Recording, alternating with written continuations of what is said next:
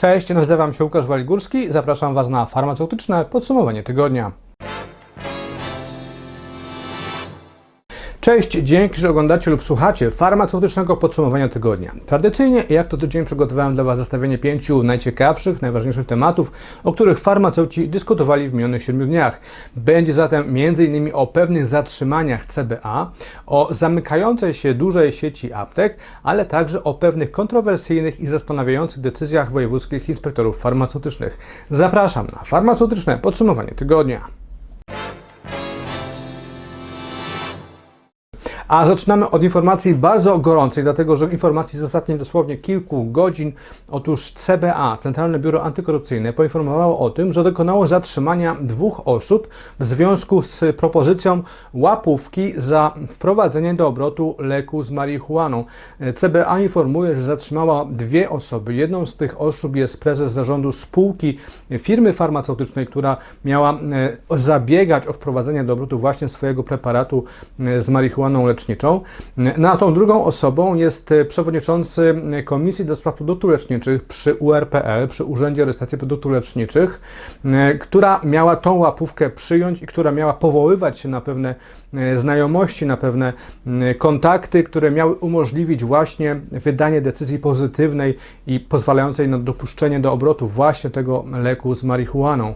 Z informacji, jakie podało CBA, wynika, że urzędnik oczekiwał pieniędzy, udziałów w spółkach i zatrudnienia osób z rodziny w zamian za załatwienie korzystnej decyzji prezesa Urzędu Rejestracji Produktów Leczniczych w związku z dopuszczeniem do obrotu leku z medyczną marihuaną.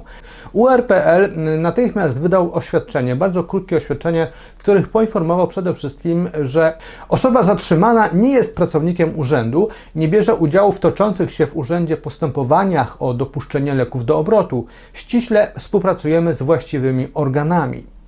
W pewnym sensie można odnieść wrażenie, że swoimi komunikatami URPL stara się obniżać rolę i deprecjonować rolę przewodniczącego tej Komisji do Spraw Produktów Leczniczych w całym procesie wydawania decyzji o dopuszczeniu leku do obrotu. Między innymi wskazuje URPL na to, że w roku 2019 ta komisja ani razu nie została e, zwołana, a głos przewodniczącego tej komisji jest równoważny z głosami innych jego członków, których jest w całej komisji kilkoro. Bez wątpienia jednym z gorętszych newsów ostatnich tygodni jest informacja, że spółka Geronimo Martins, czyli firma posiadająca w Polsce m.in. sieć sklepów Biedronka, zdecydowała o zakończeniu funkcjonowania aptek Hebe. Marka Hebe w Polsce jest kojarzona przede wszystkim z drogeriami, e, ale przy tych drogeriach często znajdowały się także apteki. W Polsce było ich około 46. E, no i firma podjęła decyzję o tym, aby skupić się jednak na drogeriach, aby te apteki zamknąć, dlatego że w związku z wprowadzeniem w Polsce w 2017 roku apteki dla aptekarza, już tej odnogi aptek, aptekarskiej nie jest w stanie spółka dalej rozwijać. Na rentowność aptek w Polsce cały czas e, spada, o czym m.in. mówił niedawny raport Naczelnej Izby Aptekarskiej. W związku z zamknięciem aptek marki Hebe pracę straciło około 290 pracowników. Firma zapewnia jednak, że pracownicy ci otrzymają odpowiednie świadczenia, m.in. odprawy trzykrotnie wyższe niż wymagane wymagane są e, przez polskie prawo. W przypadku części pracowników oznacza to wręcz siedmiokrotność dotychczasowej pensji. Zamknięcie sieci aptek Hebe oczywiście stało się przyczynkiem do dyskusji wokół ogólnej sytuacji e, aptek w Polsce, wokół funkcjonowania regulacji, które zostały wprowadzone w 2017 roku, czyli apteki dla aptekarza, ale także wokół sytuacji finansowej i rentowności aptek w Polsce, na co w ostatnim raporcie, jak już wspomniałem, zwracała uwagę Naczelna Izba Aptekarska. Pierwszych dniach sierpnia wiele aptek w Polsce sygnalizowało, że ma pewien problem e, z wysyłką zestawień refundacyjnych do Narodowego Funduszu Zdrowia, a taką pierwotną przyczyną tego problemu e, była zmiana przepisów, która weszła w życie 1 lipca 2020 roku. Chodzi tutaj o przepisy mówiące o tym, iż dla wszystkich recept, zarówno papierowych, jak i elektronicznych, od 1 lipca 2020 roku nie musi się na nich znajdować symbol Narodowego Funduszu Zdrowia, do którego przynależy e, pacjent. Jednocześnie oczywiście apteki nie muszą też tych e, symboli, tych numerów sprawozdawać w zestawieniach refundacyjnych do Narodowego Funduszu Zdrowia. Cała ta sytuacja wym- wymagała zmiany e, pewnego elementu systemu, jakim jest schemat parsowania do importu komunikatu LEC 2.7 i taką właśnie zmianę wprowadzono pod koniec lipca, Mm, no i miała ona obowiązywać już od 1 sierpnia, czyli już to nowe zestawienie refundacyjne miało być wysłane komunikatem LEC 2.7, a nie LEC 2.6. Okazuje się jednak, że NFZ nie był na to przygotowany i wszystkie apteki, które na początku sierpnia wysłały swoje zestawienia refundacyjne poprzez import LEC 2.7 miały problem właśnie z tą wysyłką, pojawiał się e, błąd.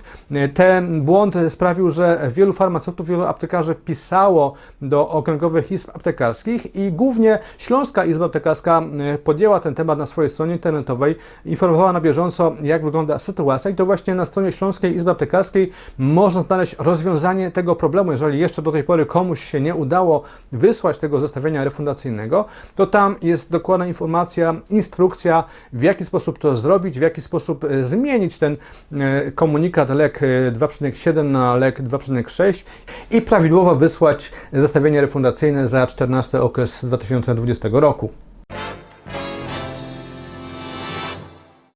Bez wątpienia jednym z gorętszych newsów, tematów minionego tygodnia związany z rynkiem aptecznym, który pojawił się także w mediach ogólnopolskich, e, był temat pewnej kary, jaką Wojewódzki Inspektor Farmaceutyczny w Katowicach nałożył na sieć aptek Ziko. A chodzi o karę w wysokości 37 tysięcy złotych e, za reklamę, którą miał być wywiad, jakiego e, założyciel tej sieci, Jan Zając, udzielił miesięcznikowi Forbes. Sprawa miała miejsce w roku 2018 i w tym roku 2018 została też ta decyzja nakładająca karę wydana. Niemniej dopiero kilka dni temu Śląski Inspektorat Farmaceutyczny opublikował ją na swojej stronie, dlatego że prawdopodobnie dopiero niedawno została ona uprawomocniona mm, przez decyzję Głównego Inspektora Farmaceutycznego. Temat ten opisaliśmy jako pierwsi, bardzo szybko podchwyciły go również inne media. No i zapraszam oczywiście do przeczytania artykułu, który się pojawił na ten temat w serwisie mgr.farm. Tam znajdziecie opinię zarówno Związku Pracodawców Aptecznych Farmanet właśnie na temat tej sprawy.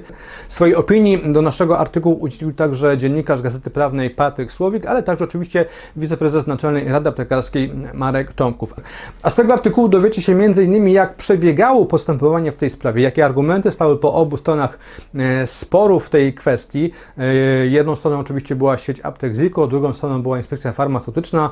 E, Sieć aptek Ziko argumentowała i broniła się w ten sposób, e, że to było pismo, to jest pismo dla przedsiębiorców i e, właściciel sieci aptek opowiadał w nim po prostu o swoim przedsiębiorstwie, zafalał jego m, zalety po to, aby móc ewentualnie znaleźć w, do współpracy i partnerów. Z kolei inspektorat farmaceutyczny twierdził, że ci przedsiębiorcy również przecież mogą być klientami, pacjentami w tych aptekach, dlatego dla nich to będzie jakaś zachęta do odwiedzenia właśnie tych konkretnych aptek, dlatego to właśnie ten wywiad jest reklamą, zakazaną reklamą m, w prawem farmaceutycznym.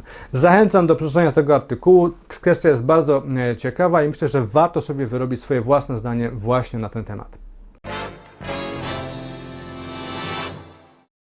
Cały czas pozostajemy w temacie reklamy aptek, czyli zakazu reklamy aptek, który w ostatnim czasie jest, y, można powiedzieć, na językach y, wielu osób, wielu ekspertów z rynku aptecznego, y, dlatego że pojawia się sporo nowych, bardzo kontrowersyjnych, można powiedzieć, decyzji Wojewódzkich Inspektoratów Farmaceutycznych, szczególnie Śląskiego Wojewódzkiego Inspektoratu Farmaceutycznego. I to właśnie o nim też za chwilę opowiem, dlatego że kilka dni temu Śląski Wojewódzki Inspektor Farmaceutyczny opublikował kolejną swoją decyzję, w której między innymi nałożył dosyć wysoką karę na aptekę za umieszczanie w tej aptece pewnych haseł, pewnych komunikatów, e, które dla wielu mogą wydawać się mm, czystą informacją, czymś oczywistym, co powinno znajdować się w aptece, no ale okazuje się, że Wojewódzki Inspektor Farmaceutyczny nałożył na te komunikaty i za te komunikaty karę finansową.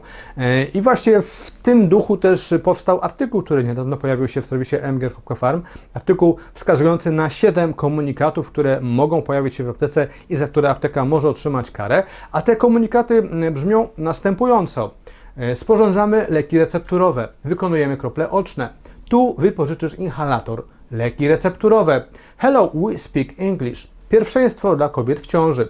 Masz pytanie? Zadzwoń.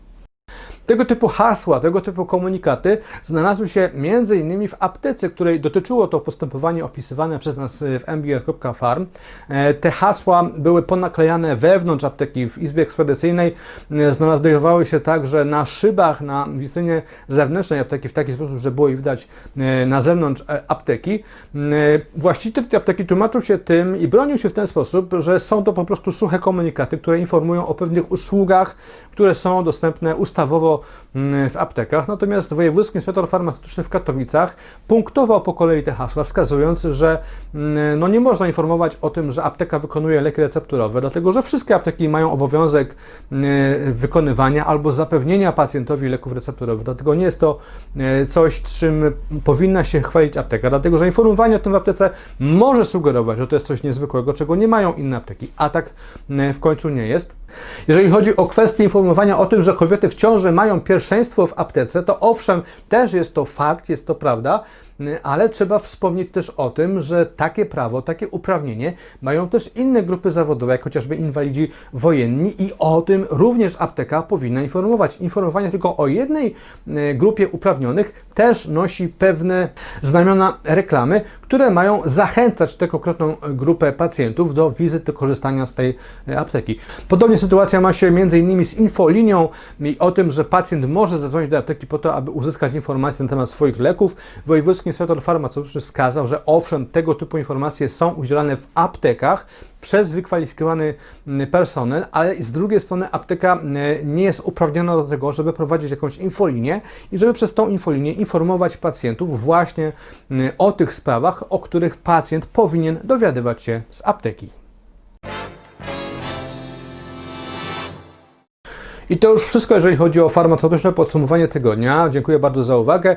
Po więcej informacji o tych tematach, o których opowiedziałem, ale także innych, zapraszam do serwisu mgr.farm. Tam codziennie przygotowujemy dla Was nowe doniesienia z rynku aptecznego, rynku farmaceutycznego. Zachęcam także tradycyjnie do prenumeraty naszego magazynu drukowanego mgr.farm. Jest to największy w Polsce dwumiesięcznik dla farmaceutów. Za jego prenumeratę drukowaną zyskujecie szansę na aż 12 punktów edukacyjnych. Bardzo dziękuję za uwagę i zapraszam na farmaceutyczne podsumowanie tygodnia już za tydzień.